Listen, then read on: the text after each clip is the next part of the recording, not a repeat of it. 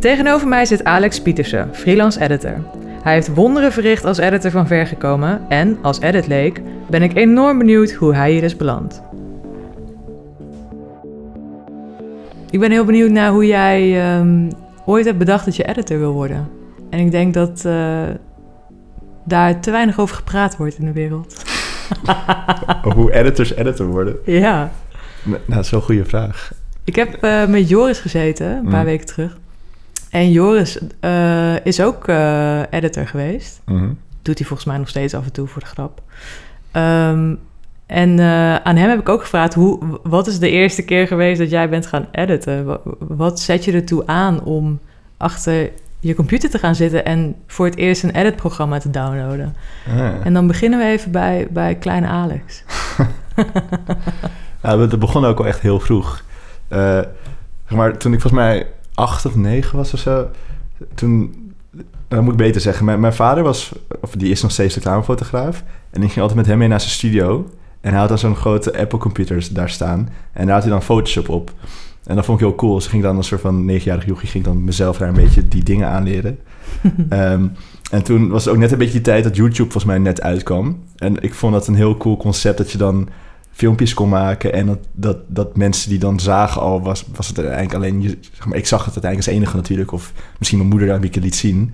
Maar gewoon het idee vond ik heel vet. Dus wat ik dan ging doen, dan ging, ging ik gewoon een beetje op YouTube opzoeken... hoe je dan een filmpje moest maken. En dan kwam je heel snel bij Windows Movie Maker uit. Dus toen ging ik gewoon Wauw. eigenlijk van alle hobby's die ik toen als... eh, nou, ik was inmiddels denk ik tien al die hobby's die ik toen had, wat voornamelijk eh, het spel RuneScape was, of gewoon eh, skateboarden, daar ging ik dan filmpjes van maken. Dus ik ging mezelf gewoon een beetje aanleren hoe ik dat dan moest opnemen en dan moest importeren naar het programma. Dus eigenlijk is al heel vroeg begonnen nu ik over nadenk. Wauw. Ehm, alleen op een gegeven moment ging, ging mijn computer kapot. Dus toen heb ik een tijd niet meer kunnen editen. Oh. Dus toen ging ik, ging ik maar heel veel skaten. En toen op een gegeven moment, toen heeft hij weer zijn comeback gemaakt. En ehm, eigenlijk wanneer het voor mijn gevoel echt los is gegaan, het editen... dat was toen ik in, in de eerste klas zat. Ik was toen 13. En toen was ik eigenlijk meer aan het skaten, daar wel filmpjes aan het maken. Alleen toen die zomer brak ik mijn voet. Waardoor ik gewoon niks anders meer kon doen dan eh binnen zitten. En toen ben ik eh, heel erg verslaafd geworden aan, Call of Duty. aan het spel. En daar ben ik toen eh, heel veel soort van montages van gaan maken, heette dan. Dus ging ik allemaal clipjes zijn opnemen. Op, en die, vet. Ja, en die ging ik dan soort van downloaden. En die kon ik dan in het programma gooien. En dan tegen die tijd kun je gewoon alles op YouTube opzoeken wat je wil. Dus elk effect, als je wel een tutorial van. Dus op die manier mezelf gewoon alles een beetje aangeleerd. En ja, daar gewoon heel veel filmpjes van gemaakt. En dat waren eigenlijk, als ik nu op terug ga, gewoon korte musicvideo's. Maar dan dus met van die Call of Duty clips. Heb je dat nog? Ja, die zijn overal nog wel... eh, Dit is zo vet. wow. En dat heb ik echt vier jaar lang echt hard, echt, echt intens gedaan. Want ik zat soort van... Vier jaar lang. Ja, ja, gewoon tot en met... Eigenlijk tot, tot en met het moment dat ik dacht van... Ja, hier wil ik iets serieus mee doen. Wat... eh, Dat duurde vier jaar. Wauw. ja, goed, ik, was gewoon, ik, ik, Dedication. ik was gewoon een jochie op de middelbare... die gewoon eh, iets heel leuk vond. En daar gewoon voor, voor ging toen, zeg maar. Ja. Maar ik had helemaal, zeg maar, je hebt dan helemaal niet het besef van... überhaupt een baan hebben of carrière. Het is gewoon omdat ik... eh, school vond ik stom en ik vond dat leuk. Dus ik stortte me daar gewoon volledig op. ja. Ehm, maar zo is het denk ik eigenlijk allemaal begonnen. En daar heb ik gewoon echt, echt nou, ik denk wel tegen de honderd van, die, van dat soort filmpjes staan waarschijnlijk nog ergens online als je, als je het zou willen zien ooit. Ik wil dat heel graag nog zien. Nou, wie weet Misschien kan kan je ik... het eh, nasturen en dan kunnen de luisteraars het ook zien. Ja, nou, als mensen het heel graag willen zien, het staat allemaal nog op YouTube. Ik ga wel voor een linkje zorgen. Wat vet. Maar ja, dat, dat was eigenlijk hoe het allemaal begon. En toen, ik denk zo tegen het einde van, van, van de middelbare, toen kwam in één keer een beetje die link van, oh, maar je moet iets gaan studeren.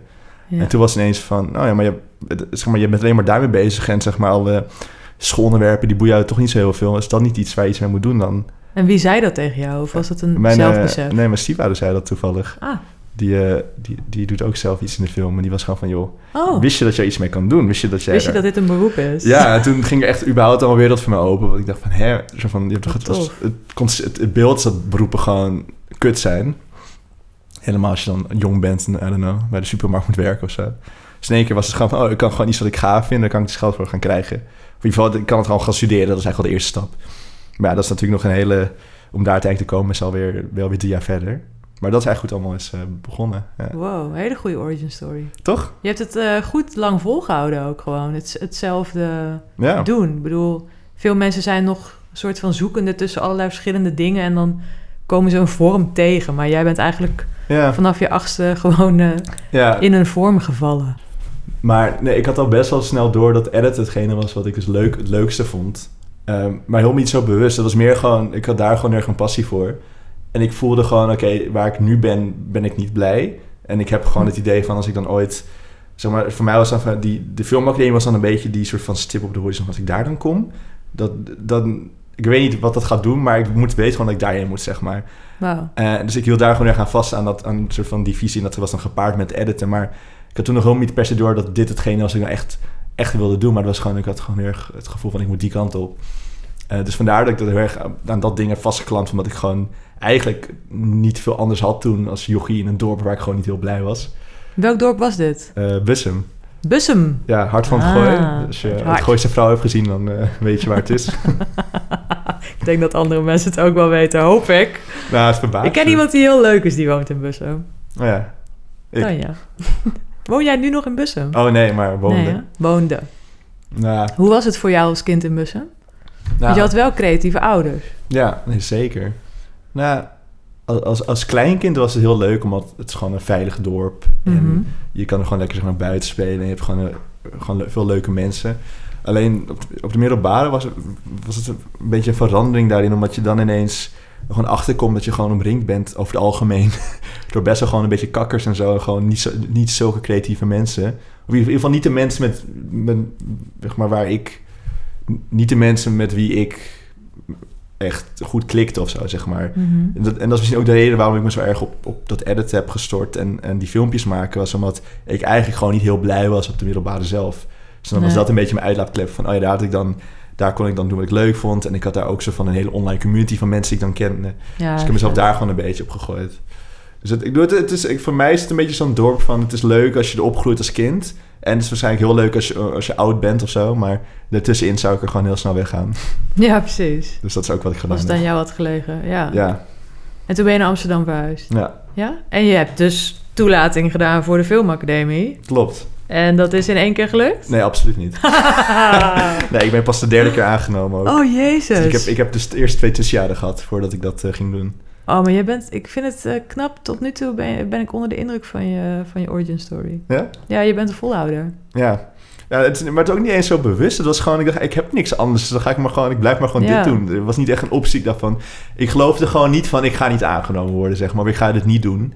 Ja, dan Nee, blijf ik het het maar gewoon proberen. Niet nu, maar Ja. wel later. Ja, en, en ik ga eerlijk zijn. Ik had toen bij, de, bij mijn tweede afwijzing... Toen, toen had ik echt van... Oké, ik heb nu gewoon... Ik heb een jaar stage gelopen... een goede editor en zo. En dit is dan het moment dat ik word aangenomen. Ik had het gewoon mijn hoofd gepland. En toen was ik een beetje... Het was toen in het voorjaar. En toen was het zo van... eh, toen was ik, was ik net klaar met die stage. En ik was een beetje aan het wachten op, op de uitslag van, van eh, de toelating.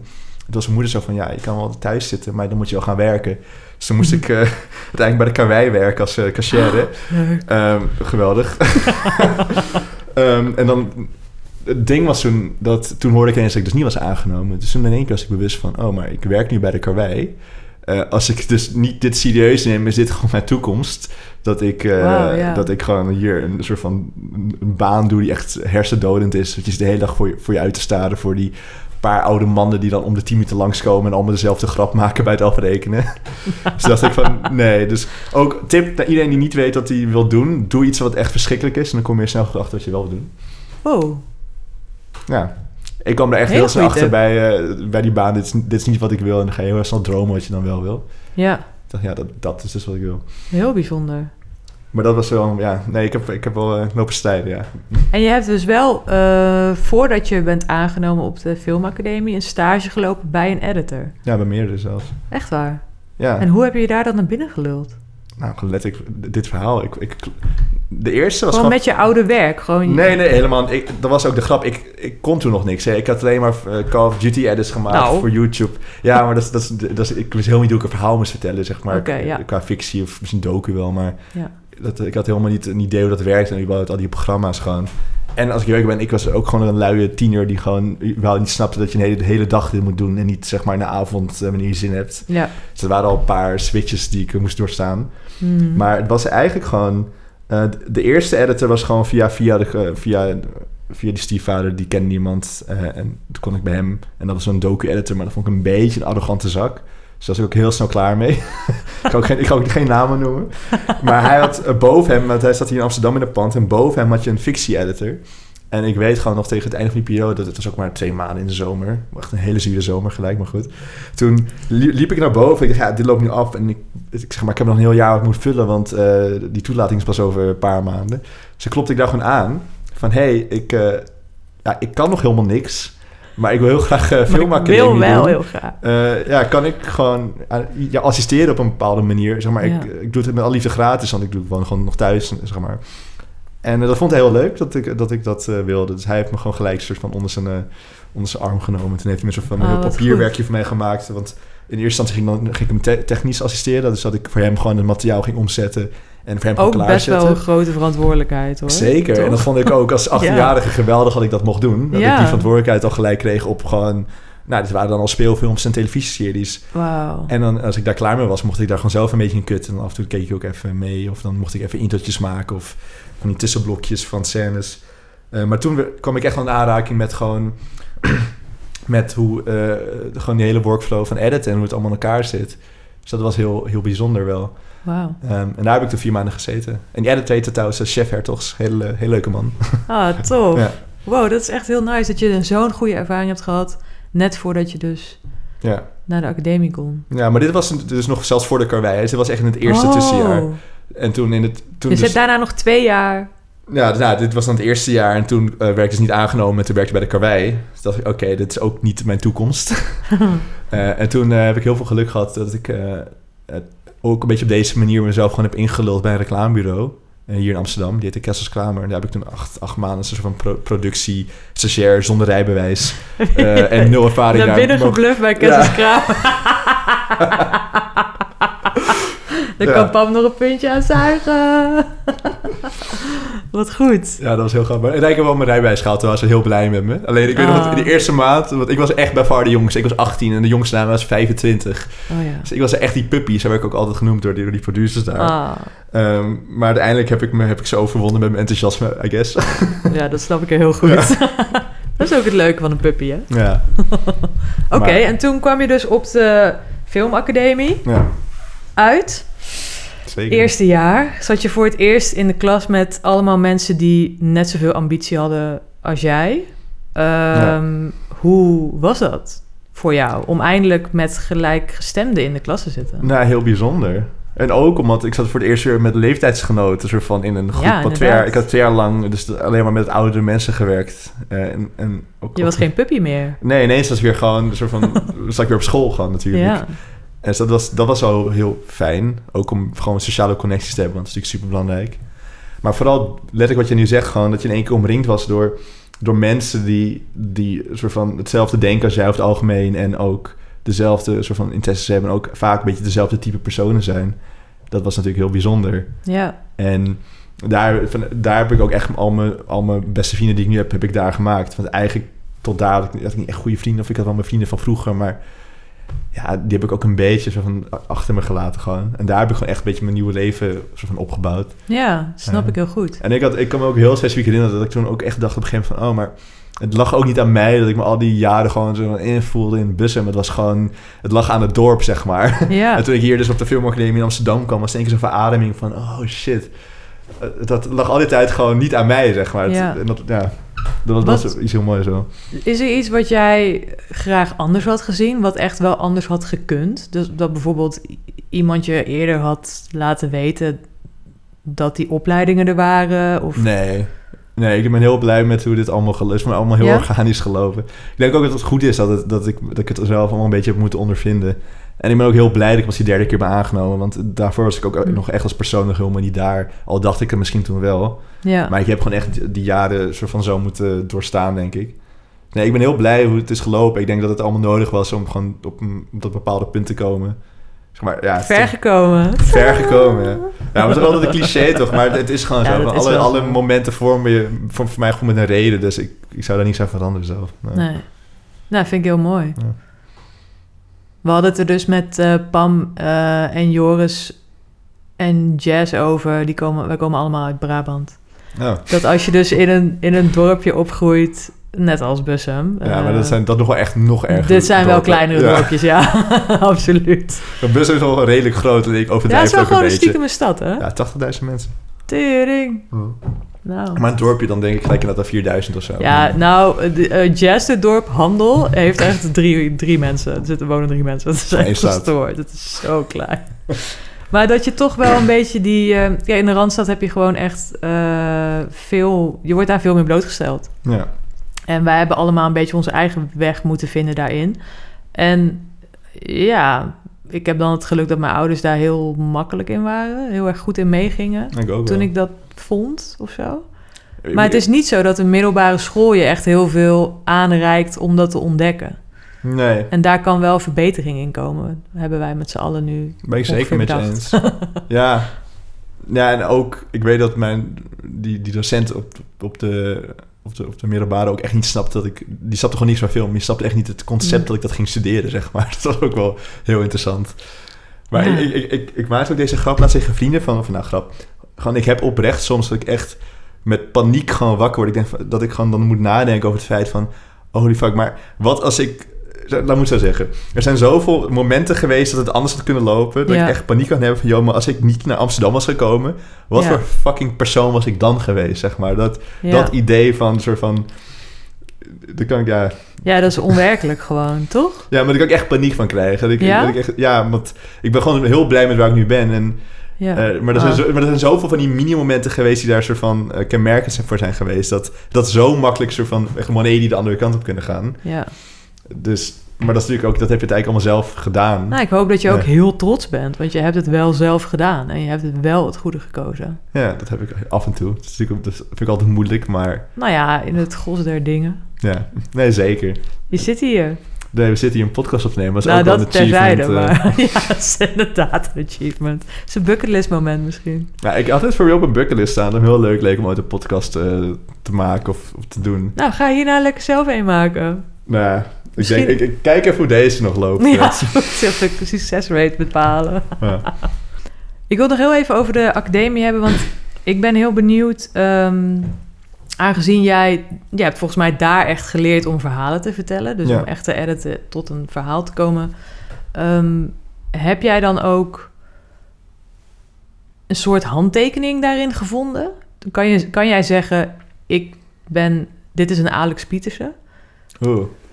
Nou, ik heb het idee dat andere mensen dat nog wel soms zeggen, maar het is een beetje dubbel. Want zeg maar, zodra je als editor, laat ik zeggen, een stijl denkt te hebben, dan ben je eigenlijk al niet meer goed aan het editen. Want dan, dan ben je al, zeg maar, dan laat je jezelf beïnvloeden door, wat je, door jezelf in plaats van het materiaal, zeg maar. Ja, Uiteindelijk is het gewoon, je kijkt naar iets en dan doet je iets en daarom zet je het zo neer. En zodra je zeg maar een stijl hebt, dan, dan, dan ben je zelf al, zit je zelf al aan de weg daarvan, zeg maar. ja dan wordt het een trucje misschien. Ja, Hm. zeg maar, het harde Ja. is juist dat ik kan een clip kijken en de ene keer werkt het, doet het me iets als ik die clip gewoon een minuut laat staan bij wijze van spreken, wat heel extreem is. En de andere keer moet ik het tien keer opknippen, zeg maar, om daar een beetje emotie in te krijgen. Ehm, maar daar is, daar is geen regel een trucje voor. Dat is gewoon echt gewoon heel veel uitproberen. Dus ik denk, misschien is mijn stijl dat ik gewoon heel veel uitprobeer en daar leuke dingen uitkomen, zeg maar. Maar ik denk niet dat je het per se bewust kan zien. Want als je dat, als je dat gaat zien, dan is de edit denk ik ook al te sprekend. En dan, als, zeg maar, als je juist kijkt gaat opvallen, dan, dan doe ik iets niet goed, zeg maar. Het moet je eigenlijk helemaal niet opvallen als jij iets ziet wat ik heb gemaakt. Absoluut. Ehm. maar het ligt ook aan de vorm. Want Zeker. ik kan me voorstellen dat het voor fashion, film of voor videoclips juist wel weer mag. Ja, en dat is natuurlijk ook... Daar, daar moet ik ook wel bij zeggen van je bent ook... Dat zijn ook misschien iets meer projecten waar je ook iets meer met vorm bezig bent, zeg maar. Dus in, in je klassieke vertelling, wat dan even een docu of een fictie is, daar ben je echt een verhaal aan het vertellen. En dan is dat heel erg leidend, maar met een commercial of met een eh fashionfilm, whatever, dan heb je ook al vaak iets meer dat ook gewoon een beetje flashy moet zijn. En daar, daar moet je wel soms een beetje gewoon niet inhoudelijke knips maken. Wat echt, eh, wat ik niet mag zeggen, maar dat is gewoon zo.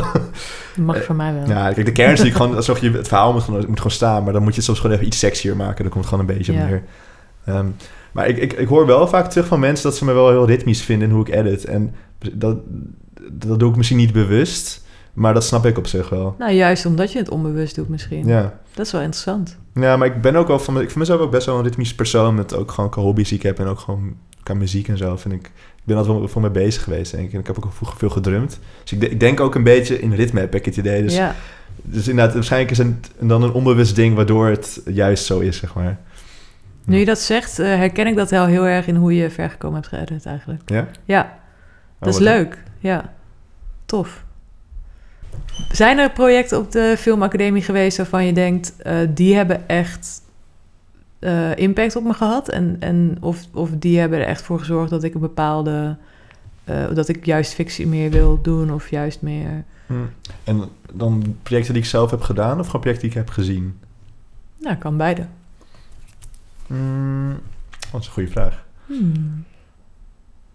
Nou, in eerste instantie, kijk, op de filmacademie doe je vooral eigenlijk alleen maar eh, cinema. Oftewel korte fictie of, korte, of, of gewoon fictie of docu doe je eigenlijk. En, Is dat echt zo? Dat wist ik helemaal niet. ja, Wow. Ehm, en dat is misschien wel wat ik heel interessant, Bijzonder. wat wel interessant is, is dat ik juist naar de academie erachter kwam van dat ik misschien dat, ik, dat ik dat wel heel leuk vond, maar dat eh, ineens in de echte wereld er nog echt honderd andere vormen zijn van film maken. Fashion film, commercial, clips, noem maar op. En daar krijg je eigenlijk niks van geleerd. Ja. En eh, dat is eigenlijk wel jammer, want ik merkte toen ineens, toen ik eigenlijk gewoon, toen ik gewoon zelf begon, dat ik in één keer zo van hele dat is wel we- de realiteit. ja, toch? maar dat was eigenlijk een hele nieuwe wereld die openging aan dingen Ja. die ik ook heel leuk vond. Ah, tof. dus misschien ja. was het niet eens op de filmacademie project, maar meer gewoon daarbuiten ineens gewoon de vrijheid had om alles te doen. Maar misschien dan toch om terug te komen op je vraag. ehm, Nou, maar dat is al Ja. een heel interessant gegeven. Dat wist ik niet. Ik denk dat het best wel... ehm, ik vind het een beetje alarmerend zelfs. Want op het moment dat jij van de academie afkomt... welke dat dan ook is, we noemen het de academie... eh, ga jij niet meteen fictie Nee, draaien. Je absoluut gaat niet. door een hele berg aan eh, commercials en, en korte films en commercials, dansfilms. en- commercials, dat is ook nog echt een pad naar te komen. Je gaat echt Ja. gewoon door allemaal eh, projecten die niks betalen. Misschien clips, als, je, als, je daar, als je daar een beetje aanleg voor hebt of je dat leuk vindt. Ehm, maar je gaat door heel veel shit heen voordat je dat mag doen. Maar dat is denk ik ook het probleem met die hele filmacademie. Is gewoon, je wordt vier jaar lang gewoon erg verwend. Dat je alles in je schoot geworpen krijgt. En Ja. je denkt van, mensen zitten op mij te wachten. Maar ja, Ja, die tijd is gewoon, je, komt, je studeert af en niemand zit op jou te wachten.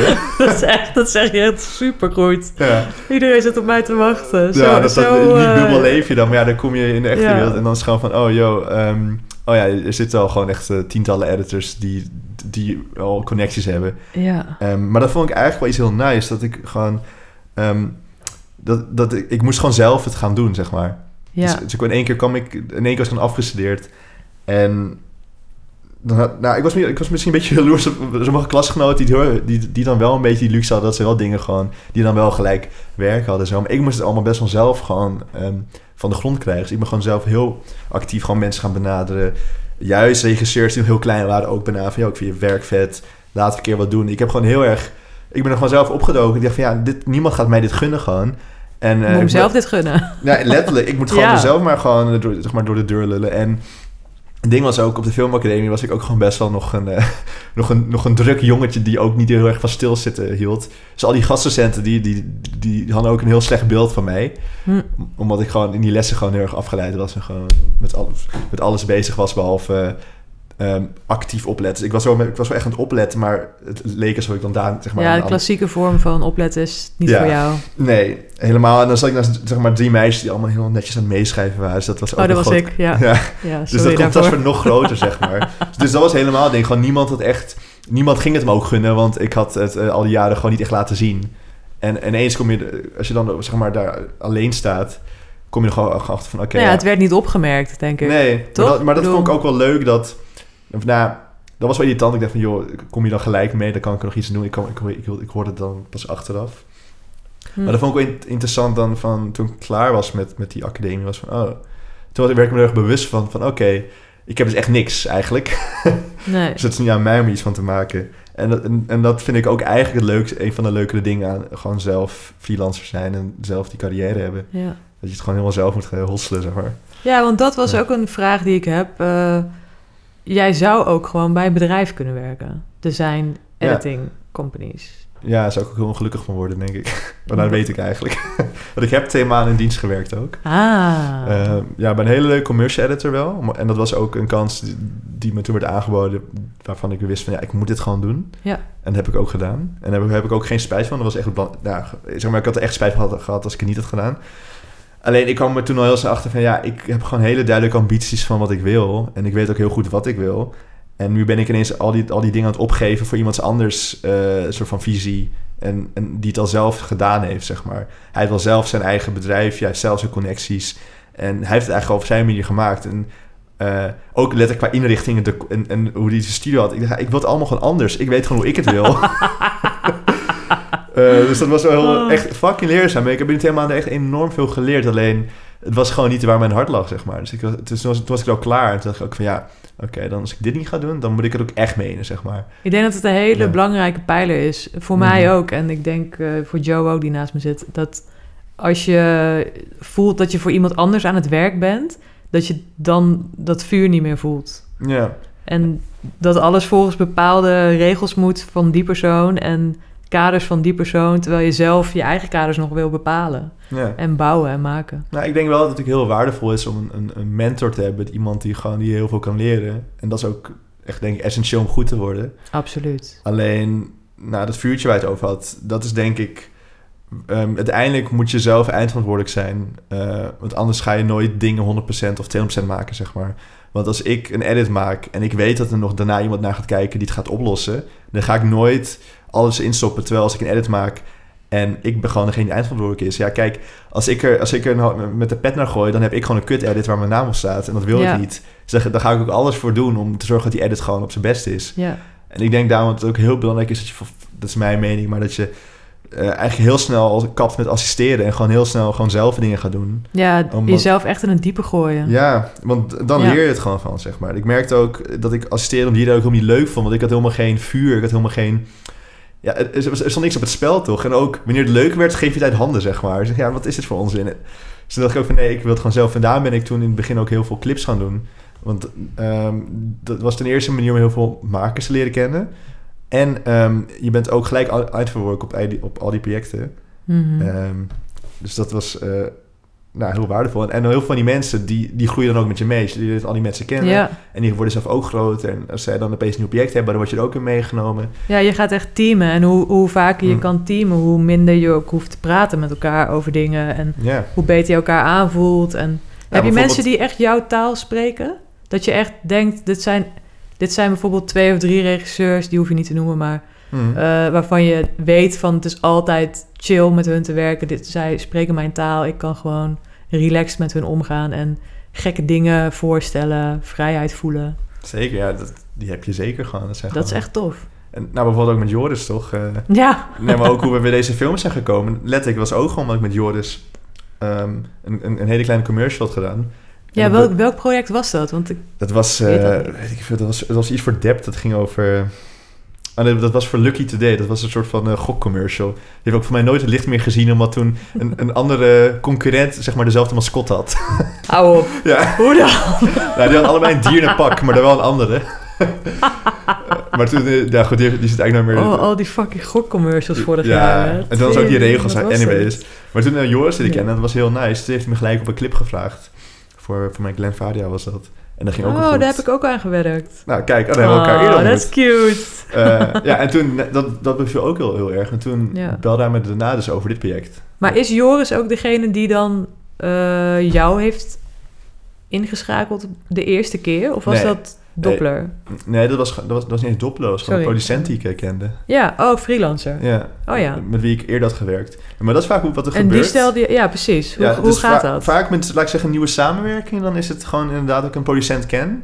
Of dat de producent mijn naam via via hoort. En die gooit me dan op een project omdat hij dan nog iemand daarvoor nodig heeft. Ja, Of les minder gewoon... dus dan- hij koppelt jou eigenlijk aan een Ja, regisseur. Dus dat is vaak gewoon geluk. Dat is wel via via, maar dan, dat- dan krijg je op die manier je kans eigenlijk. Ja, Eh, of dat je inderdaad al, dat je naam al rondgaat hoor. Maar en als het dan matcht, dan hangt de regisseur aan je lippen. En dan ja, wat is nu gebeurde? mee. Van oké, ik werd Ja. opgezet en ik ken Joris helemaal niet. Alleen dat klikte met Joris en toen wilde Joris mij op het volgende project hebben. Ja. En dit, heb, dit, dit, zeg maar, dit, dit soort type verhalen heb ik al vaker ook gehad. ja, ik ken het Ja. ook. Dit is freelancen. Ja, Toch? Als je op een gegeven moment klikt met iemand, dan... Ja, ja. Maar het is uiteindelijk allemaal gewoon mond op mond inderdaad. Gewoon eh, namen doorpassen en... eh, Ja, en ik denk ook eh, in heel veel gevallen, ik weet niet of ik dan alleen voor mezelf moet spreken, maar is het niet dat je niet vervangbaar bent? Want voor sommige dingen ben je heel vervangbaar. Maar is het ook dat je dezelfde taal spreekt en dat je een beetje in elkaars energie kan bewegen?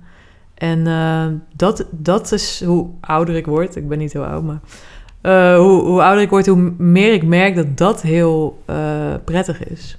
Zeker. Dat je gewoon thuis voelt bij iemand. En eh, gewoon je bek over durft te trekken bij iemand. En gewoon een beetje amicaal kan zijn met mensen. In plaats van dat het allemaal zo... Ja. Zo achter...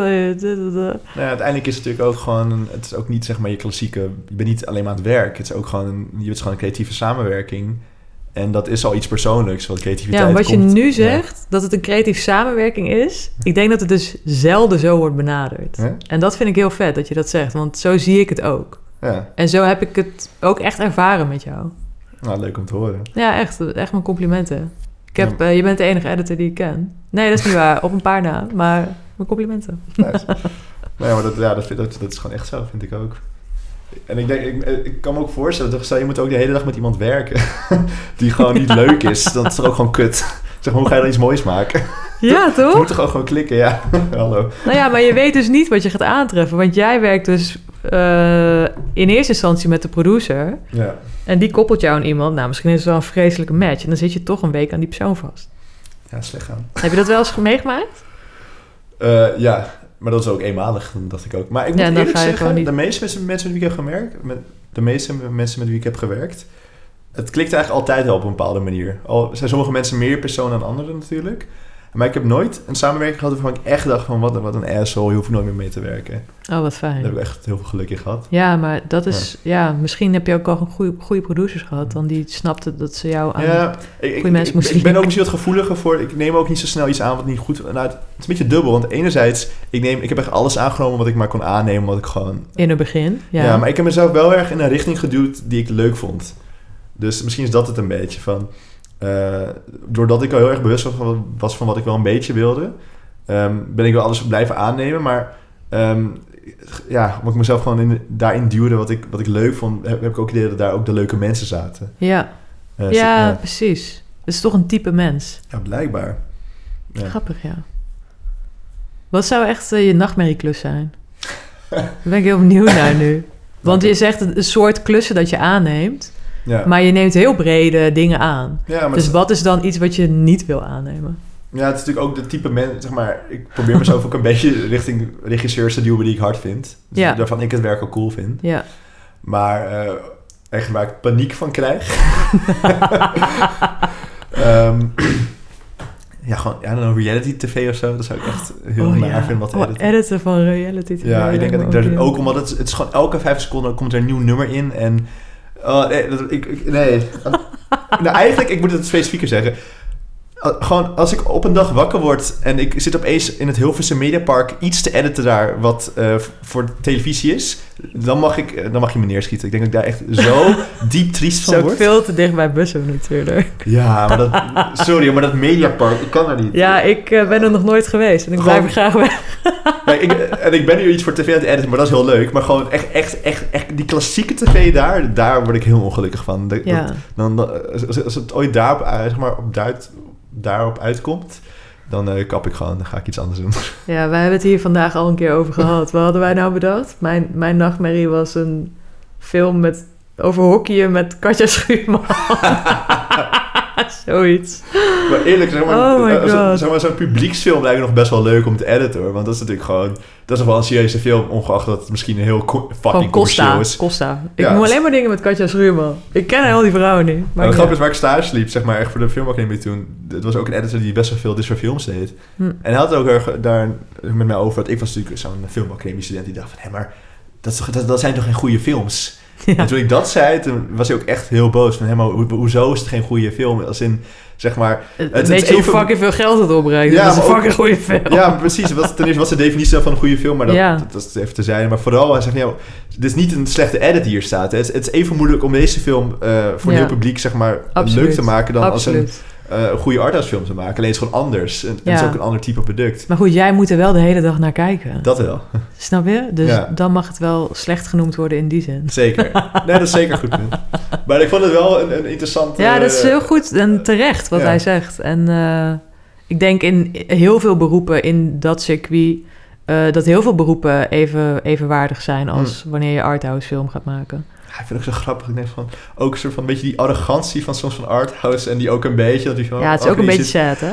Zo van, uh, maar hoezo, hoezo denk jij een mening te kunnen hebben als je niet eens een fatsoenlijk verhaal kan vertellen en dat Ja. er misschien tien mensen naar je première komen, zeg maar? Ja. Hoe, heb je dan, hoe ga je dan commentaar hebben op zeg maar een film die wel een publiek weet te trekken? Dat is, gewoon- Ja. dat is toch ook even moeilijk en misschien wel moeilijker zelfs, vind ik. Nou ja, ik denk dat eh, you have to know the rules to break them. En dat is denk ik heel, heel... ehm, ik denk als je een... Ik, ik heb nu Costa in mijn hoofd. Ik heb die film nooit gezien, maar ik heb Costa nu in dat mijn is hoofd. wel het perfecte voorbeeld. Ik heb hem ook niet gezien. Ja, toch? Nee, ja. Misschien moeten we een keer samen gaan kijken. nee, eh, Ja, dat misschien moet moeten we een arthouse edit maken op Costa. Eh, Oké, te, veel tijd, te veel tijd. Nee, ehm, wat ik daarmee bedoel is... ehm, als je je kaders eerst leert en je ze daarna doorbreekt. Dus ik denk dat je een keer een Costa-achtig iets gemaakt moet hebben... om te Hmm. begrijpen wat werkt en wat eh, vertelstructuur is... en verhaallijnen en dingen die mensen begrijpen. Je Ja. publiek namelijk gaat bepalen of je film succesvol wordt of niet. Want je maakt de film niet voor Ja. jezelf. Dat heel- Ehm, nou, leer maar eerst gewoon inderdaad hoe je, hoe je fatsoenlijk Ja. verhaal vertelt dat mensen snappen. Ja. En ga dan maar eh, abstract doen. Ja, leer maar eens ABC. Gewoon voordat je BCA doet. Letterlijk. Toch? Ja. Ja. dat is echt eh, zeker waar. Dit vond ik zo grappig met al die filmacademie films. Dat gewoon de helft van de films werden gewoon niet begrepen. Nee. Door een, he- door een hele zaal. Dan denk ik, ja, dan, dan kan je wel heel, heel artistiek gaan praten, maar dan heb je gewoon niet goed je werk gedaan. Nee. Nee, er zit echt... eh, Ja, ik denk dat het ook gewoon jaren zoeken is van... van Hmm. Voordat zoiets goed kan worden. Ja, gewoon uren maken. Echt heel veel meters maken. Ja. Maar in het begin deed ik ook maar wat hoor. Ik, de- ja, Ja. Laten we eerlijk zijn. eh, ik kom ook op die filmacademie en ik dacht dat ik heel veel kon, maar ik kon helemaal niks. Nee, je moet gewoon echt gaan doen, toch? Je moet gewoon uren maken. Vlieguren. Letterlijk. En dat is ook... eh, ik merk nu pas dat ik... Echt, ik, ik maar geen grap, ik denk het laatste jaar pas merk ik van... Oh, ik, ben, ik snap nu pas wat ik aan het doen ben eigenlijk. Ja, wat vet. Ja. En dat ik het even op die manier, manier echt zo bewust voel gewoon. Dus daarvoor, we- daarvoor, daarvoor lukt het ook wel, maar dat ik echt nu een beetje de controle heb van wat ik aan het doen ben, zeg maar. ja. En dat, is- dat is gewoon voor mij de resultaat van gewoon heel veel uren maken. Ja, en voor mij is het ook zo'n quote van je moet 10.000 uur in een skill ja stoppen. zeker. Ja. Zit je er al op? Nou, wie weet, ik moet het misschien een keer gaan uitrekenen. Laten we dat een keer het doen. Ik ben ook wel benieuwd. hey, word jij vaak eigenlijk... ehm, wij, wij zijn een beetje op een aparte manier eh, geïntroduceerd, maar normaliter... Word jij vaak betrokken in het pre-productieproces? Dus als er nog geschreven wordt aan de film... en voordat de crew überhaupt is benaderd... Ehm, eigenlijk eh, niet. Zeg Nee. maar, ik, ik weet wel dat ze dat heel op de, op, op de academie stimuleert, is dat wel echt. Maar in de praktijk is er gewoon geen tijd voor, want je, bent, je gaat gewoon van project naar project, zeg maar. Mhm. Ehm, dus soms heb ik wel misschien met wat meer persoonlijke projecten van mensen die ik ken of zo, dat, dat ze dan wel eens om mijn mening vragen, maar eigenlijk met betaalde klussen nooit. Dan is gewoon, ik krijg gewoon een treatment en een script en dan krijg ik gewoon materiaal, zeg maar, en that's it. Ja, Ehm, maar ik, ik, ik, ik moet ook eerlijk zeggen, ik ben ook, zeg maar, ik heb er echt wel een mening over, maar ik, ik, ik ben ook nooit zo'n fan van om daar vooraf wel iets over te zeggen. Ik denk van, joh, ik zie het wel zo. ja het is ook wel, Ja. er zit ook wel schoonheid in het gewoon ruw ontvangen... en dan Ja. pas ermee dealen. Dat je Ja. niet met voorbedachte raden daarmee... Want uiteindelijk kan ik dan alleen maar over het script dingen zeggen, maar ik, ja, ik ben geen scriptschrijver, zeg maar. Dus ik- ik- Nee, maar ik kan me wel voorstellen dat als je een, een nogal vlak script leest, dat je dan wel het voor je ziet en zou zeggen: Ik zou misschien dit of dit er nog in Nee, dat kan ook fietsen, kan ik of ook dat of dat, wel. want daar kan ik wat mee in de edit. Ja, maar daarom is het ook misschien met wat meer persoonlijke projecten of meer, Ja, zeg maar, nou, ja, toch wel projecten van mensen die je dan kent, dan, dan gebeurt dat nog wel. ja. Maar eigenlijk, ja, het, verder, gebeurt het gewoon nooit. Maar ja, dat vind ik ook niet, persoonlijk vind ik het ook niet heel erg. Ik vind het leuk om gewoon te editen. ja toch? ik hoef niet uh, allemaal scripten te lezen die nog niet af zijn. Hey, en zijn er dingen die jou eh, inspireren? Ja, heel veel. Noem eens eh, iets wat je vandaag heeft geïnspireerd. Oeh, Pam, pam, pam, pam. oh, dat is een hele goede vraag. En niet Joardi zeggen. Ja, er, gaat- er, gaat, wel eentje. ja, ik, ik denk vooral, ehm, misschien niet over vandaag, maar gewoon in zijn algemeenheid. Ehm, ik denk dat je gewoon heel veel moet leven buiten het editen om. Ik denk dat dat me vooral erg inspireert. En dat is natuurlijk ook een breed antwoord, maar ehm, buiten editen doe ik gewoon nog heel veel. Zeg maar. Ik heb gewoon nog heel veel hobby's, eh, echt mijn le- leven erbuiten. Ik probeer ook nog gewoon heel veel te ontdekken, ook veel te reizen en zo. En ik denk dat het heel belangrijk is dat je gewoon ehm, nou ja, gewoon veel ervaart, gewoon veel leeft. Want hoe ga je anders een verhaal vertellen als je zelf niet eens weet eh, hoe dat, hoe dat in elkaar zit, zeg maar. Dus ik denk dat ik daarvoor je inspiratie uit haal. En, dat, en misschien is het, is het dan misschien iets concreter gezegd, is het gewoon nieuwsgierig zijn. Eh, zowel met mooi. nieuwe muziek, nieuwe films, eh, nieuwe dingen zien, culturen, whatever. eh, talen. Ik, ik denk gewoon die, die nieuwsgierigheid moet je gewoon erg vasthouden. Ik denk dat ik daar heel veel inspiratie uit haal. En ik denk dat dat ook een, een misschien een valstrik is van heel veel editors. Dat die gewoon een beetje antisociaal zijn, alleen maar aan het editen zijn. En dan, ik denk dat je dan gewoon niet even goed wordt als iemand die dat ook heel veel. Je moet dat, natuurlijk de meters maken. Maar je moet wel gewoon ook, denk ik, een eigen stem hebben als mens. En dat krijg je alleen maar door gewoon shit te ervaren. Ja, ja. dat zeg je heel goed. En ik vind het ook knap, want je komt eigenlijk uit een plek waarbij je sociaal gedrag vermeed en je dus opsloot in je ja. edit suite als uh, Maar dat was ik helemaal niet. Dat is de grap. Ik, ik, ik was ook altijd gewoon een sociaal persoon. En ik, uh, gewoon omstandigheden zorgden gewoon voor... Zeg maar, als, je, als, je, als je omringd bent door mensen die jou niet prikken... of die jou niet... Die, die niet jouw mensen zijn, dan word je antisociaal, zeg maar. Ja. Maar ik, ik was gewoon altijd al dit. En uh, helemaal als je wat ouder wordt, word je ook wat meer oké okay met jezelf en zo. Um, maar nee, dat... Ja, het zat er altijd al gewoon in. Het is alleen maar gewoon... Ik ben alleen maar meer mezelf geworden, zeg maar. En uh, wat denk je dan uiteindelijk aan het eind van de dag dat jou een goede editor maakt? Vind je jezelf een goede editor? Oeh. Ja, ik, ja nee, ik vind mezelf wel een goede editor, ja. Vet. Ja. Ik, ik vind jou ook een goede editor. Ja, dank je. nee, maar ik, ik, ik, wat mij een goede editor maakt, is denk ik vooral dat ik... Ik, ik denk dat ik gewoon heel, heel, heel goed met mensen kan samenwerken. Uh, en, en, ik denk dat daar heel veel in zit. In, in, gewoon samen met iemand iets maken, zeg maar. Ik kan heus, ik kan zelf wel iets in elkaar zetten. En dat kan ik ook heel goed, en niet daarvan. Maar ik merk juist dat, dat, dat alle de, de vetste dingen komen gewoon uit samen in een hok zitten... en samen gewoon allemaal ideeën in de lucht gooien. Mm -hmm. En ik merk dat, weet je, die, dat, dat sparren, zeg maar, die strijd of zo... daar ben ik gewoon heel goed in. En daar hou, hou ik ook heel veel energie uit. En ik kan ook heel veel energie instoppen daarin. En daar ben ik ook heel erg enthousiast over. Dus ik denk dat me wel een goede editor maakt. En de reden dat ik het zo zelfverzekerd kan zeggen dat ik mezelf gewoon goed vind, is omdat ik, ik heb gewoon heel duidelijk voel ik gewoon van dat, dat, dat dit gewoon goed komt, zeg maar. Dat dit gewoon goed zit. En um, dat gevoel moet je ook hebben. Want als je dat niet gelooft, dan, dan gaat iemand anders je wel inhalen, zeg maar. Dus ik geloof ook gewoon heel sterk dat, dat, uh, dat, dat ik dit gewoon kan. En ik weet ook heel erg waar ik nog heen wil. En ik weet ook zeker dat het goed komt gewoon. Um, en ik denk dat het ook belangrijk is om dat zo sterk te hebben. Want anders... Uh, Anders is er wel iemand anders die dat, zeg maar, die, die dat nog sterker voelt in jou dan inhoudt natuurlijk. Ja. En heb jij dan ooit in je leven last gehad van imposter syndroom? ja, de... uh, ik, de, ik, denk de eerste paar maanden na het afstuderen van de filmacademie. ja?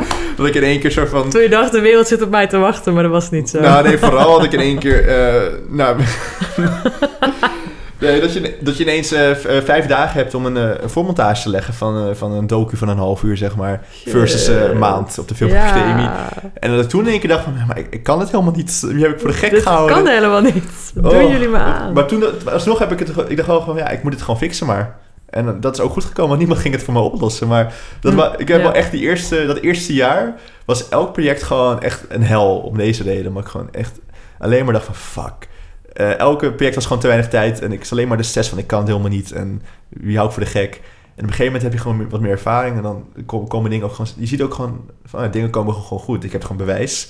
Projecten ja. we gaan, die, die, die lukken gewoon. Ja. En op een gegeven moment wordt die stem gewoon steeds minder. Nu heb ik het gewoon helemaal niet meer. Ja, het is echt een stemmetje in je hoofd. Ja. Grappig dat je dat zegt. Dat klopt, ja. Klein duiveltje? Klein Alexje? Baby Alex? Een klein Alexje op schouder, ja. Gepaard met heel veel stress was dat toen. Oh. Maar dat, dat, ik, dat moet je doorstaan, zeg maar. Ik vind echt dat je moet daar gewoon doorheen gaan. Want dat vormt je gewoon ergens persoon, zeg maar. Ja, en ik denk ja. dat het ook een beetje uh, maakt of breekt. Ja, nou, precies. Als je freelancer wil worden. Ja, je moet het gewoon, uh, je moet het overleven ook. Ja. Maar je moet er ook mee leren dealen, want precies dat, zeg maar, ik, ik, ik vind het ook interessant dat sommige mensen dan afstuderen en dan eigenlijk wel zo'n kap om deze reden, omdat ze gewoon eigenlijk niet, uh, ja, niet Mhm. tegen de hitte kunnen, zeg maar. Ja. Uh, Maar is het een terechte hitte? Want dat vraag ik me ook wel eens af. Ik heb ook wel eens voor situaties gestaan waarin ik dacht... nu word ik gewoon echt niet beschermd door productie. Nu, zijn, nu, is, mm, nu is alles in één keer art probleem. Terwijl dat echt niet had hoeven zijn. Ik, denk dat en dan het- sta je toch onderaan de ladder. En dan moet je toch... Ja, mij heeft het heel erg geholpen om een team te hebben. Dat Mm. ik echt kon zeggen... dit ga ik mijn team niet laten doen. In plaats van dat ik moest zeggen... dit ga ik niet doen. Maar Ja. jij staat eigenlijk altijd ja, maar ik denk dat het, alleen. ik denk dat het ook heel ander- anders is ehm, als je op de set staat. Eh, want dan heb je voor mijn gevoel veel meer, wat jij nu ook benoemt, dan, daar heb je echt uitbuiting. Ja, in de prep vooral hoor. ja. Met edit is toch een beetje anders. En ook omdat ik dus, ehm, Uitbuiting. ja, nee, maar toch. Ja. Ik, ik, ik vind de set ook echt verschrikkelijk. Ik ben ook heel blij dat ik niet op de set hoef te staan om deze reden gewoon. Ik vind het gewoon niet een leuke, leuke plek om te zijn. Nee? Nee, alleen maar, het is alleen maar stress toch? Nou, het kan ook wel leuk zijn op set hoor. nee, maar ik word zoveel van soort Vergekomen set was het gestrest soms, maar het was wel ook heel leuk. Maar ik word gewoon vaker... Ik heb wel het idee dat, dat dit meer een probleem is inderdaad op de set, zeg maar. Dat je echt eh, gewoon uitgebuit wordt. Of dat, dat je echt crazy uren en dingen moet doorstaan. Ik heb het idee dat het met edit wel iets minder is. Al hangt het natuurlijk ook heel erg vanaf hoor, in welke richting je gaat. Want ik, ik ken ook wel mensen die echt wel... Ook wel misschien van dat soort type verhalen hebben. Maar jij, betaal, jij wordt per dag betaald, neem ik aan, of per project? Ja, per dag, ja. Per dag. Dus als een, als een, als een eh, producer naar je toe komt en zegt... ja, eh, ik wil deze videoclip binnen een dag geëdit hebben. Nou, dan zeg ik ja, dat, dat kan. Maar dan is hij niet zo goed als ik hem in twee dagen edit. Ja, precies. Ja. Dus je onderhandelt daar wel over. Ja, nou... Kijk, dagen, dat is natuurlijk ook een beetje gebaseerd op de, op de fee. Maar soms verdenken... Ja, kijk, in het begin is het ook moeilijk, maar ik weet inmiddels Nou gewoon ja, hoeveel dagen ik In nodig het heb. begin is het dus wel Ja. spannend. Want als iemand dus tegen jou zegt... je gaat maar vijf dagen krijgen van mij... Ja. wat zeg je dan? Want als je eh, vijf jaar later weet je gewoon... dit kan helemaal niet in vijf dagen. Ja. Dan doe ik het gewoon niet. Dat, maar dan weet je dat ja, dat is op je bek gaan. Ja, Ja, dat moet je wel eh, doorstaan. Nou, en eh, kijk, eh, je moet het gewoon een keer doen. En dan eh, achterkomen dat je inderdaad een week lang... eh, van, van eh, zeg maar dagen van, van 13 uur aan het editen bent, zeg maar. en dan kom je dan oh ja, dit, dit, dit, dit past niet. dat past niet in mijn leven. Nee, maar dat, dat heb ik wel gewoon... Oh. Ja, dat heb ik wel eens gehad, zeg maar, zo'n project. Maar dan leer je ook heel snel... Ik weet nu heel erg van hoeveel dagen ik nodig heb. En als Ja. mensen met echt domme voorstellen komen... dan zeggen ze, ja, dat is gewoon niet reëel. En dan, zeg maar... Ik heb nu ook wel wat meer... Hoe heet dat? Iets meer... Ge, hoe heet dat? Iets meer body of iets meer gewicht? Ja. Of in ieder geval, ja, ik, ik kan dat nu zeker zeggen. Ja. Maar dat, dat zijn zeker dingen waar in het begin... is het heel moeilijk inschatten. Want ook je, je leeft dan nog in een waas van... als je inderdaad eh, van korte filmen anderhalve Van- maand kan editen. Oh, ja. Nee, maar dat, eh, dat is zo, ja. En heb je ook wel eens mensen om hulp gevraagd? Dat je dan gewoon in- tijdens een project dacht van... ik kom er niet uit, ik ga een andere editor bellen? Ehm, nou, niet, niet praktisch. Niet dat iemand eh, mij zo van komt helpen met het fysiek editen, maar wel voor meningen gewoon. Oké. Dat ik gewoon wel soms wat denk van, joh, deze scène, het, het, ik krijg deze gewoon niet verteld. Zo van, kan je eens naar kijken en checken wat, je, zeg maar, wat jij misschien denkt? En zijn dat mensen die je op de academie hebt leren kennen? Ja, dat zijn- dat zijn gewoon Ja. klas, zeg maar, montageklasgenoten. klasgenoten. Dus eigenlijk één of twee die met wie ik nog Ja. close ben. Ehm, en die vraag ik wel nog wel eens voor een mening, maar ook heel, heel soms. Hoor. Want ik merk nu inmiddels dat ik het ook wel zelf gewoon... Ik heb het niet meer echt nodig. Nee, maar Ja. soms... Ik kan me voorstellen dat het gewoon soms ook wel lekker is om een klankbord te hebben. Dat je gewoon... Ja, ik merkte dat tijdens vergekomen ook. Dat je op een gegeven moment zo lang ergens naar zit te staren... dat je gewoon geen mening meer kan vormen. Ja. Dat zal voor jou heel anders zijn dan voor mij. Ik was echt brainwashed door mijn eigen film. Maar dat is, dat is ook een moeilijk als regisseur, denk ik. Dat, dat je, je zit dan zo diep in het project, zeg maar, in alle, in alle departementen. Dat, het Dat waar, dat je echt, ja. je, het lijkt me heel moeilijk om dan nog je objectieve mening te bewaren. Dat, dat is natuurlijk het leuke Ja. aan editen, is gewoon, ik krijg gewoon, Ja, het is heel objectief. ja, ik, krijg, ik, ik, ik weet er eigenlijk niks van. Ik heb ook helemaal geen mening over. En dan op een dag krijg ik gewoon een schijf met al materiaal.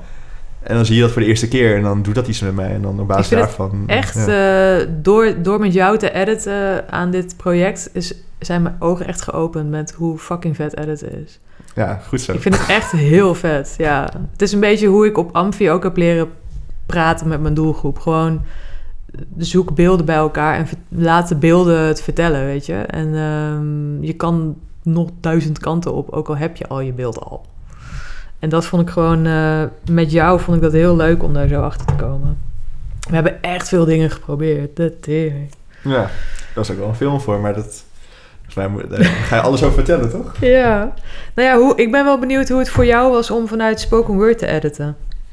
Ehm, nou, de grap is dat... Ik heb al vaker projecten geëdit die heel erg leunden op, op tekst, zeg maar. Dus dat was, niet- dat, dat was voor mij niet echt onbekend terrein. Ik vond het juist wel lekker, omdat, juist omdat de beelden heel erg abstract waren in deze film. Ja, Eh, want je, je hebt natuurlijk... Je hebt eigenlijk een beetje, laat ik zeggen, de live setting... waar, waar het personage aan het praten is. Maar daaromheen had je dus had je drie scènes... die zeg maar samenhangend een verhaal aangingen. En eigenlijk is spoken word daarin wel fijn... want die zorgde heel erg voor een structuur. Dat, dat het niet zomaar random scènes waren waar ik naar keek, zeg maar. Dus die gaven heel erg het gevoel neer van... eh, nou, wat, wat, soort van de, wat soort van het verhaal moest zijn. Ja. Dus ik vond het eigenlijk heel fijn editen. Helemaal bij dit project, zeg maar. Ik denk dat het heel goed eh, matchte. Oh, dat vind ik heel leuk om te horen. Want ik had het idee dat het alles alleen maar ongelooflijk ingewikkeld maakte.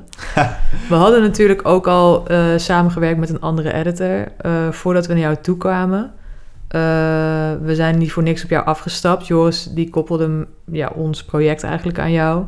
Omdat we gewoon nog niet uit de edit kwamen. We, vonden, we hadden echt een kluif voor ons. Mm. En we hadden gewoon even een frisse blik nodig. Ehm, heb, je, heb je dat eigenlijk ooit eerder meegemaakt? Dat je, dat je eigenlijk al een film in je handen kreeg en soort van de vraag: help. Nou, tot dat moment... Help. Eigenlijk was dat inderdaad de eerste, de eerste hulpkreet die ik ooit inderdaad eh, gekregen heb. Nou, de grap was... Dat was de eerste keer dat dat zo gebeurd is. En daarna heb ik dit eh, met twee andere films ook gehad. Oh, echt? Ja, die ook op Oh. NFF waren trouwens. Echt? Oh, Ja. die, oh, die heb ik gezien. Ja. Nou, tenminste de posters. Ja, Ja. wat goed. Dus eigenlijk eh, was het, heeft het echt dingen in, in zijn gang gezet, Dat onbewust waarschijnlijk. Maar ja, dat, dat, dat- het is wel interessant, want je- ergens kijk je dus naar iets wat al gemaakt is. Maar ja, het, het werkt nog niet, want anders kom je ook niet eh, met, met, de, met Ja. de vraag om help. Ja. Maar het is wel interessant, want ik... Bijvoorbeeld bij deze film ook heel erg. Want toen ik het voor het eerst zeg maar zag wat er al stond... ehm, toen zag ik heel erg vooral van... Oh, ik zag vooral erg veel potentie. Van, ik zie wel heel veel dingen die heel hard kunnen zijn... maar die er nu nog helemaal niet uitkomen, zeg Ja. maar. Maar al die ideetjes lagen er al wel heel erg in. Ehm, dus dat, vond ik, dat is juist wel wel leuk dat je gewoon iets krijgt... wat eigenlijk nog niet helemaal werkt... En dan het, en, maar wel ziet hoe dat gaat werken... en dat dan zelf helemaal kan ondervinden. Maar bijvoorbeeld bij deze film weet ik nog heel erg dat... ehm, dat toen ik het zag, dat het me erg opviel dat... Voor mij was het toen nog best wel opgeknipt in dat je... Je had dan de scènes en je had zeg maar eh, het personage van Tamar die dan eh, die spoken word aan het vertellen was. Ja. En dat werd de hele tijd opgeknipt. Dus dan zag ik haar spreken en dan ging ik weer naar die fictiescène en zag ik haar weer spreken. En wat ik wel heel erg zo opviel was gewoon van... Hé, maar elke keer als ik er een beetje lekker in kom... dan word ik weer uitgehaald omdat ik dan weer naar Tamar ga die aan het praten is. En toen, ik zag al heel snel in dat daar gewoon iets heel bijzonders zat, zeg maar. Van, oh ja, maar als ik dat nou gewoon niet doe. Wat als je nou gewoon... je laat even kort zien dat Tamar aan het praten is, zeg maar. Dat ik in ieder geval wel snap dat het niet een voice-over is, maar wel dus een spoken word. En daarna dat ik haar gewoon volledig skip. Dat Ja. ook gereed uitmaakt waar ik nou ben. Dat ik gewoon gelijk ervan in die vertelling ga. En ik weet nog dat ik dat probeerde. En toen gelijk kwam ik van, oh maar joh, maar nu gebeurt er iets, zeg maar. Nu Ja. Ga ik haar spoken word koppelen aan eh, de verhalen van de mensen die ik in beeld zie, zeg maar. Van de scènes. Ja. En toen dacht ik van, ja, dit gaat hard worden. ja, toen werd het ineens symbolisch. Ja. Dat was gewoon, eh, ja, echt een hele goede keuzes. Je hebt hele goede keuzes gemaakt, Ja, Adam. thanks.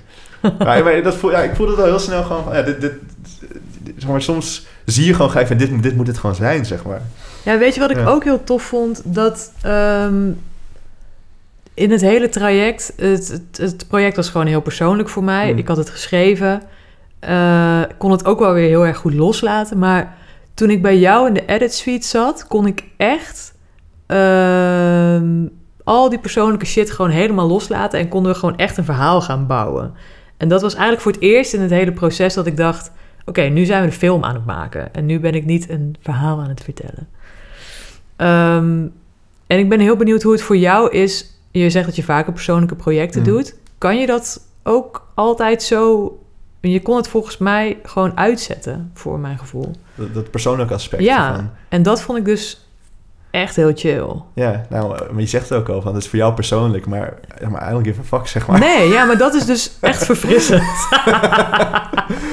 Ja, nee, maar ik... Ja, dat, Nee, ik- weet je hoe lang het geleden was voor mij dat iemand gewoon streng was naar mij? Dat, iedereen, dat iemand gewoon zei, dit werkt niet, dit moeten we niet doen. Ja, Mensen behandelen je echt met fluwelen handschoenen. wat grappig. Ah.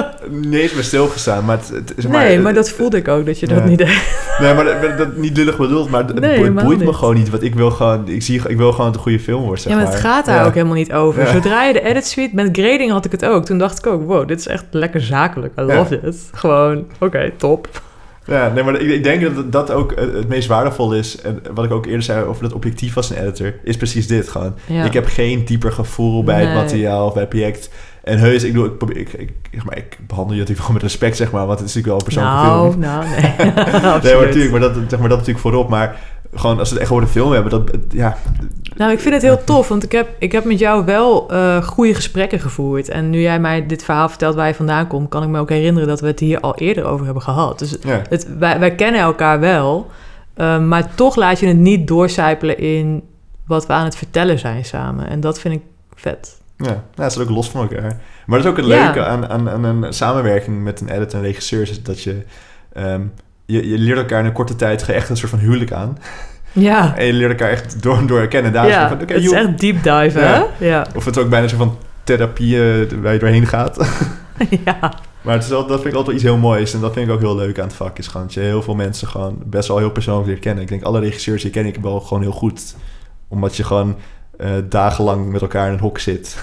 ja. En in dat helft van de tijd ben je het ook niet alleen maar over werk aan het praten, toch? Dus, Nee, dat is echt zo. Hey, en je- toen jij eh, de eerste paar... We hebben dus best... Hoeveel dagen hebben we aan, aan deze edit gezeten? Echt wel Voor te mij lang. Ik denk als je het om bij elkaar optelt. of zo? Ik denk wel twee weken inderdaad, als je het bij elkaar optelt. Maar dat was best wel verspreid ook natuurlijk. hè. Ja. ja, best wel een tijdje. Maar dat was ook wel lekker, denk ik. ja, en we hebben natuurlijk... eh, in het begin heb jij echt met Joris gezeten. Mm. Toen ben ik erbij gekomen. En toen is Joris eigenlijk afgehaakt. En hebben wij het samen volgens mij afgemaakt. Ja, ik zit even te denken waarom het nou zo lang heeft moeten duren. Want het is best wel een korte film. Nou, dat, was ook met, dat had ook met gewoon tijd te maken. Dat eh, jij niet continu beschikbaar was. Oh, Jij dat- zou ja. toen naar Delft gaan. Dat vond je niet zo leuk. Ja, nou, leuk nee, verhaal. ja, het was gewoon natuurlijk een soort freebie. En, of ja, soort. Het was gewoon een freebie volgens mij. Eh, dat is gewoon een freebie, ja. En eh, ja, werk komt dan tussendoor. Ja, daar had, daar had iedereen last van. Daarom heeft deze film ook zo Ja. fucking lang geduurd. Ja, maar dat vond ik ook wel iets nice. Van, ja, dan kon het ook van- even weer een tijdje later. Dan kon je daar weer even vers naar kijken, Ja. zeg maar. Ook omdat het natuurlijk super abstract eigenlijk is in... ehm, ergens is, vind ik het best wel een duidelijke vertelling, maar... ehm, je, het is best wel abstract. In, in, je kan best wel eh, verschillende shots gebruiken voor verschillende momenten, zeg maar. Ehm, en daar was natuurlijk best wel nog veel in te experimenteren. Dus ik denk dat het heel goed is als je dan ook af en kan laten. Met, vaak, ehm, als je met iets aan het editen bent, is voor mij het beste wat je kan doen... is om even, even gewoon een paar dagen niet naar te kijken. Ja, Want die verse blik die je dan hebt, dat, die is het meest waardevol. Dat, dat is echt waardevoller dan nog een week lang daar diep in zitten. zeg Ja, maar. dat heeft geen zin. Nee. Echt niet. Nee, daar heb je helemaal gelijk. Ik denk dat de grootste stappen die ik heb ooit heb gemaakt... waren altijd na een weekend of zo. Ja, precies. Na een weekend leven. Ja, een Toch? weekend leven, precies. Ja, leef het leven. Ja, zeker. En hoe was het dan voor jou om met Joris dat op te pakken? Want Joris is gewoon een editor. Dus ik kan me voorstellen... Oh, echt niks van gemerkt. Nee? Nee, Jawel. Hou Ja? op.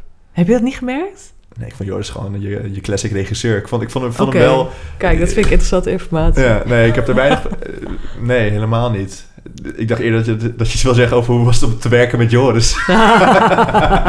Als persoon. Want, want, eh, dat echt heel, Nee, maar- heel entertaining is overigens. Oh god. ja, joh. van, eh, gewoon 24-7 ADHD is dat gewoon. Ja, het is wel intens. Maar wel heel leuk. Er komen leuke dingen uit. Maar ik heb ook heel veel geleerd over politiek en over de samenleving met hem. Ik ook. Ja. Elke dag meer. Ja. Maar nee, eigenlijk niet. Maar eh, even misschien wat breder getrokken hoe het is als je met een, edit, of met een regisseur werkt die kan editen. Ja. Vaak kut. Ja, Ja, want die, die, die, die, die, die moet niet... Eigenlijk die moet je daar niet over nadenken, vind ik. want hij is eigenlijk gewoon met jeukende vingers zit hij naast je dan, ja, toch? en Dus- ook... het komt toch altijd een beetje van... Oh, ik kan het ook zo doen? Nee. dat kan niet zo. Nee. Nee, dus, soms is het ook wel fijn. so- Soms wel als... Maar bij Joris heb je dat dus niet. Nee. Dat is wel eh, nice. Nee, ik wist, eerst dat, ik wist echt niet dat hij editor was. Oh, vet. dat ik nu pas voor het eerst eigenlijk. nice.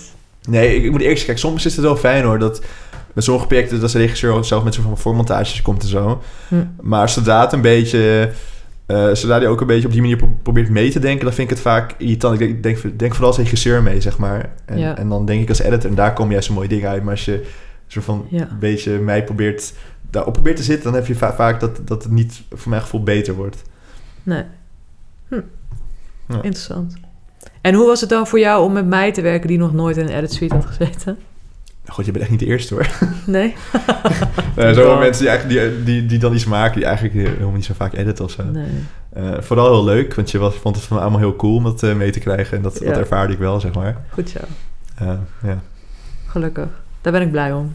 ja, leuke indruk achtergelaten. Ik, alleen ik wacht nog steeds op een deur die geschuurd wordt, wat mij ja, Alex, werd. je moet even vertellen waar wij nu zijn. Want we, dit is een hele bijzondere plek ook. Oh ja. Nou, we, we zitten momenteel in mijn studio eh, op de Prinsengracht. En eh, dit is gewoon een heel oud grachtenpandje waar we in zitten. En alleen het leuke is dat deze verdieping, die deel ik met twee andere editors. En eh, er zitten dus al 30 jaar editors op deze verdieping. Dus er zijn er heel veel zo van generaties aan, aan, aan filmmakers en mensen over deze vloer geweest. Eh, zoals ook bijvoorbeeld Steve McQueen, ook Ja. een hele leuke regisseur van, eh, van shame en 12 years to slave en zo. Ehm, maar dat, dat, je, je voelt ook wel een beetje dat hier soort van sociale creatieve energie hangt, vind ik altijd. Ja, misschien, misschien vul ik dat zelf in, maar dat, het, het heeft ook wel wat, dit pandje. Nee, ik vind het Ja. ook. Het, heeft, het is heel charmant. Ja. Als je de, de drie trappen oploopt die het kost om hier boven te komen. Of, de- of, of, met al je of de lift. Je hebt, ook- je hebt ook nog een lift die lijkt op een soort van mijnschaft. Je kan Dat is een kiezen. Dat is gewoon een doodskist. Ik zou dat wel pakken Het is een persoonlijk. vliegende doodskist. Maar je komt er dan inderdaad aan en dan... eh, Ja, nou ja, elke verdieping ziet er anders uit. Klopt. En dat vind ik echt... Zelfs zeg maar, de trap is een andere Eh, trap. De eerste trap is beton zeggen. en de tweede trap is hout. En de derde trap is een soort glas. Het is echt... eh, It's crazy. het is echt een heel vet pand. het is Ja. gewoon een leuke bricolage. Daar hou ik wel En ik van. denk dat het ook een symbool staat voor de mensen die hier zitten. Want dat- hier staan dan editors, en dan beneden heb je dan de huizenbaas. En dan daar beneden heb je advocaten die waarschijnlijk f- fortuin verdient. Ja, Boven heb je internationals. Je hebt, je hebt alles hier. ja, echt heel tof. Ja. En, het, en het is dus zo scheef als ziekte. En eh, ik heb Alex ooit beloofd dat ik zijn piepende, krakende deur... die eigenlijk niet meer in het kozijn past... eh, een stukje af zou schuren. Totdat mijn man zei... dat kan helemaal niet met de schuurmachine. Dat moet je met een bijtel doen. Oh, dus, dus dat is de reden dat het met me gebeurd is. Dus de- dat moet ik nog komen doen. met een bijtel. Nou, bij deze is, is het bewijs gesproken dat het dus moet gebeuren. goede, ja, het moet gebeuren. Je zit er nu ook verbaal aan vast, hè? ja, ja, maar dat zat ik al. Dat zat ik al. Ja, maar niet dat zat ik al. Ik wil het nog wel even met jou over hebben over eh, de toekomst. Oeh. Want eh, waar ben je nu mee bezig in het kort? Eh, ja, echt letterlijk, man. Nu ben ik met een... ehm, met een Met een podcast. Nee, ik heb wel nog wel iets over werk gespeeld. Nee, nu ben ik met een korte docu-serie bezig over, over bouncers. Dus over de gasten die bij het uitgaan bij de deur staan. En dat worden een soort van vier afleveringen van een half uur voor tv. En dat, dat is echt een heel vet, dat wordt echt heel vet. Een heel leuk kijkje gewoon in, nou, ik, zeg maar dat soort mensen die worden gewoon, die worden gewoon met een GoPro, worden ze gewoon gevolgd. En via hun ogen maak je gewoon zo'n avond mee. Ja, dat is echt tof, want dat maak je dus nooit op die manier Nee. mee. Dus dat is echt bijzonder. En dan kom je ineens achter van... Iedereen heeft natuurlijk al een beetje een mening over, over bouncers. Ik ook. Want het waren altijd na- namelijk die teringleiers die nooit... Die niet Echt? Oh, ik had altijd Hè? de allerbeste gesprekken met Bounce. Ik heb Bounce aan het huilen gemaakt, zei mij. Het was amazing. Ja, het is een beetje 50-50. So ik, ik neem het ook terug. Je hebt hele leuke en je hebt ook wel echt van die irritante mensen. Maar door dit te zien... Want hier heb je dat ook. Je hebt hier een paar hele leuke en ook een paar Oh, best wel strenge. Oh, ja. Maar ineens door dit te zien snap je gewoon heel goed waarom, zeg maar. ja, Want ze moeten de hele fucking avond hele dealen. dealen met jouw shit gewoon. Ja, maar nou, gewoon met dronken dom. mensen. Die, Oh. En dronken mensen zijn de meest irritante mensen die er zijn. Mhm. Dus nee, je krijgt er wel echt een, een heel nieuw begrip voor. En het is best wel leuk, want het gaat over een paar steden dan. En eh, ze wilden ook dat het best wel zeg maar rauw geëdit werd. Dus gewoon met lekkere hip-hop en gewoon een beetje. Gewoon muziek van nu. Ja, maar wel gewoon een beetje een, een jong jasje. En ja, dat, Ja. dat is gewoon een beetje waar een soort van nou, dingen samenkomen. Namelijk een beetje die docu van, van filmacademie. Ja, en gewoon wat meer die clips die ik de laatste tijd heb gedaan, komen dan op dit project samen. Ah, tof hè? Dat is heel leuk. En eh, hoe ga je dan te werk? Ga je, maak je dan een soort sample van zo wil ik het hele, hele ding gaan editen? Nee, Vinden jullie dit chill? Zij kwamen gewoon van tevoren, maar we, we, we- we willen een beetje dit stijltje, we willen een beetje iets in deze trant. Ja? En, En dan ga je gaan- gewoon all out en je Ik ga, edit gewoon, het hele ik ga het ding. gewoon uitproberen en ik, ik kijk al gewoon, ik voel gewoon, dit werkt, dit werkt niet. Hm. En het is gewoon een beetje ook een proces. Dus in het begin had ik iets meer hits en toen ik op een gegeven moment dacht ja, dan wordt het toch iets te veel een soort van zonzuiper ziekenhuis. Dus dan ben ik iets meer naar soort van, ja, nee, letterlijk, want dan wordt het gewoon, hey, partymuziek en allemaal dronken mensen. Ja, Maar het perspectief moeten die bouncers zijn. Dus dan denk ik van, ja, dan doe ik gewoon klassiek nou, dan ga ik toch wel meer op die hip-hop, maar dan. Ik ben wat meer op die instru- op, naar instrumentals gaan zoeken, zodat het gewoon Hm. puur het gevoel was. Ja, En wat meer op hun gaan Nice. zitten. Dus dat het, dan gaat het niet meer zoveel om het party, maar meer een beetje om het heel rauwe. nice. Meer van- hun ja. beleving. Ja. En dat werkt heel gaaf. Dus dat, wordt, dat gaat heel leuk worden. Ik ben heel nieuwsgierig. Wanneer kunnen we dit bekijken? Ja, wie weet. Dat voor mij komt het ergens. eh, ik, ik denk over een één of twee, Twee maanden. weken toch? Nee, ik- denk ergens eh einde dit jaar komt het op NPO 3. Dus dat wordt heel leuk. Oh, nice. En verder, los van dat, eh, gewoon leuke commercials aan het doen. En eh, ik, ik denk, als, als ik kijk naar de toekomst, lijkt me gewoon heel leuk om, als ik, als ik over een paar kijk waar ik zou willen zijn, zou ik het heel vet vinden om sowieso al meer interna- internationale dingen te doen. Hm. Ehm, ik heb laatst bijvoorbeeld ook een, een, een Peruaans project gedaan. Het is helemaal in Spaans, want ik ben dus ook half Spaans. En dat vond ik heel gaaf om ineens iets, iets in mijn tweede taal te kunnen editen. Fantastisch. En ik hoop ook stiekem misschien dat ik ooit in Barcelona zou willen wonen. Nou, maar misschien Ja. is dit een goede open call voor mensen die Ja. eh, Spaanse dingen willen maken. Eh, bel. Alex. Ja, of Nederlands of Engels mag ook, hè. Maar, Nou ja, ja, ja, ja. maar zeker, nee, dus dat, dat lijkt me heel gaaf. Maar ik, ik weet nog niet hoe, maar gewoon, ik heb een beetje, net als toen met die filmacademie, ik voel gewoon, dat is een Ja. beetje de kant waar ik op wil. ja, En eh, ik, ik, duw me, ik blijf mezelf gewoon in die, in die richting duwen en dan zie ik wel of ik kom of niet. Maar heel goed. Ben jij. Ram toevallig? zeg je? Ben jij Ram toevallig? Nee, ik ben een steenwolk. Oh, Steinbok. Ja. Leuk. Hey, eh, de allerlaatste vraag van de podcast Oeh. is altijd dezelfde vraag. Wat zou je doen als ik nu zo'n grote zak geld had? Oeh, eh, heel veel reizen. Vet. Ja. Nee, 100%. Ja? Ja, maar ja, dat zou, dat zou ik heel graag willen zien. Of heel graag willen doen. En, en kijk, edit vind ik nog steeds heel leuk, hè. Dus ik zou nog steeds wel iets creatiefs willen doen. Maar ik zou eerst even de wereld willen zien. En dan op een gegeven moment ben ik daar wel aan verzadigd, denk ik. En dan zou ik weer gewoon dingen willen maken. Dan is het op. Ja. Nee, stel ik heb gewoon oneindig veel geld. Zou ik gewoon Ja. heel lang willen reizen. eh, heel, veel- heel lang willen re- reizen. En op een gegeven moment dan... dan dan ervaar ik waarschijnlijk van... oké, nu, nu wil ik wel iets nu wil ik wel iets maken, iets doen. Ja. Want ik haal echt heel kan veel het naast energie. elkaar bestaan? Waarschijnlijk ook. Ja. Wie weet. Misschien editen in het buitenland. Nou, dat is echt iets heel moois. Dus, eh, Hey. Ja, zoiets zou het denk ik wel zijn. Editen on the go. Nou, ik ben oprecht aan het kijken. Van, het lijkt me heel, ik ben echt aan het denken van... Oké, hoe kan ik zo van het feit dat ik nog meer wil zien... en meer, meer wil reizen... combineren met gewoon het werk Ja. wat ik doe. Wat natuurlijk weer gebonden is aan het feit dat ik nu in Amsterdam ben. Maar dat het niet hoeft te zijn. Dus dat is Nee, jij hoeft hier helemaal niet te zijn inderdaad. Nee. Jij kan gaan en staan waar je wil. Dat is Ja. fucking fantastisch. Ik moet alleen natuurlijk wel mijn connecties hebben. Dat is het enige dingetje me tegenhoudt. Maar dat is iets wat we gewoon ga uitvinden. Dus eh, Ja. ja. kom maar op met die, met die zak geld. Ja, toch? Ja. Hallo Spanje. Hallo Barcelona. Zie. Hallo Barcelona. Vamos. Hey, het was fantastisch om jou te spreken. Wederzijds. Ehm, is er iets wat je nog kwijt wil? Mm, nou, ik, ik, ik, eh, ik denk als je de film nog niet hebt gezien... ga hem kijken, want hij is heel gaaf. Dank je. Dan zeg ik het zelf. Applausje, Wadi. Je kan dat editen. Yeah.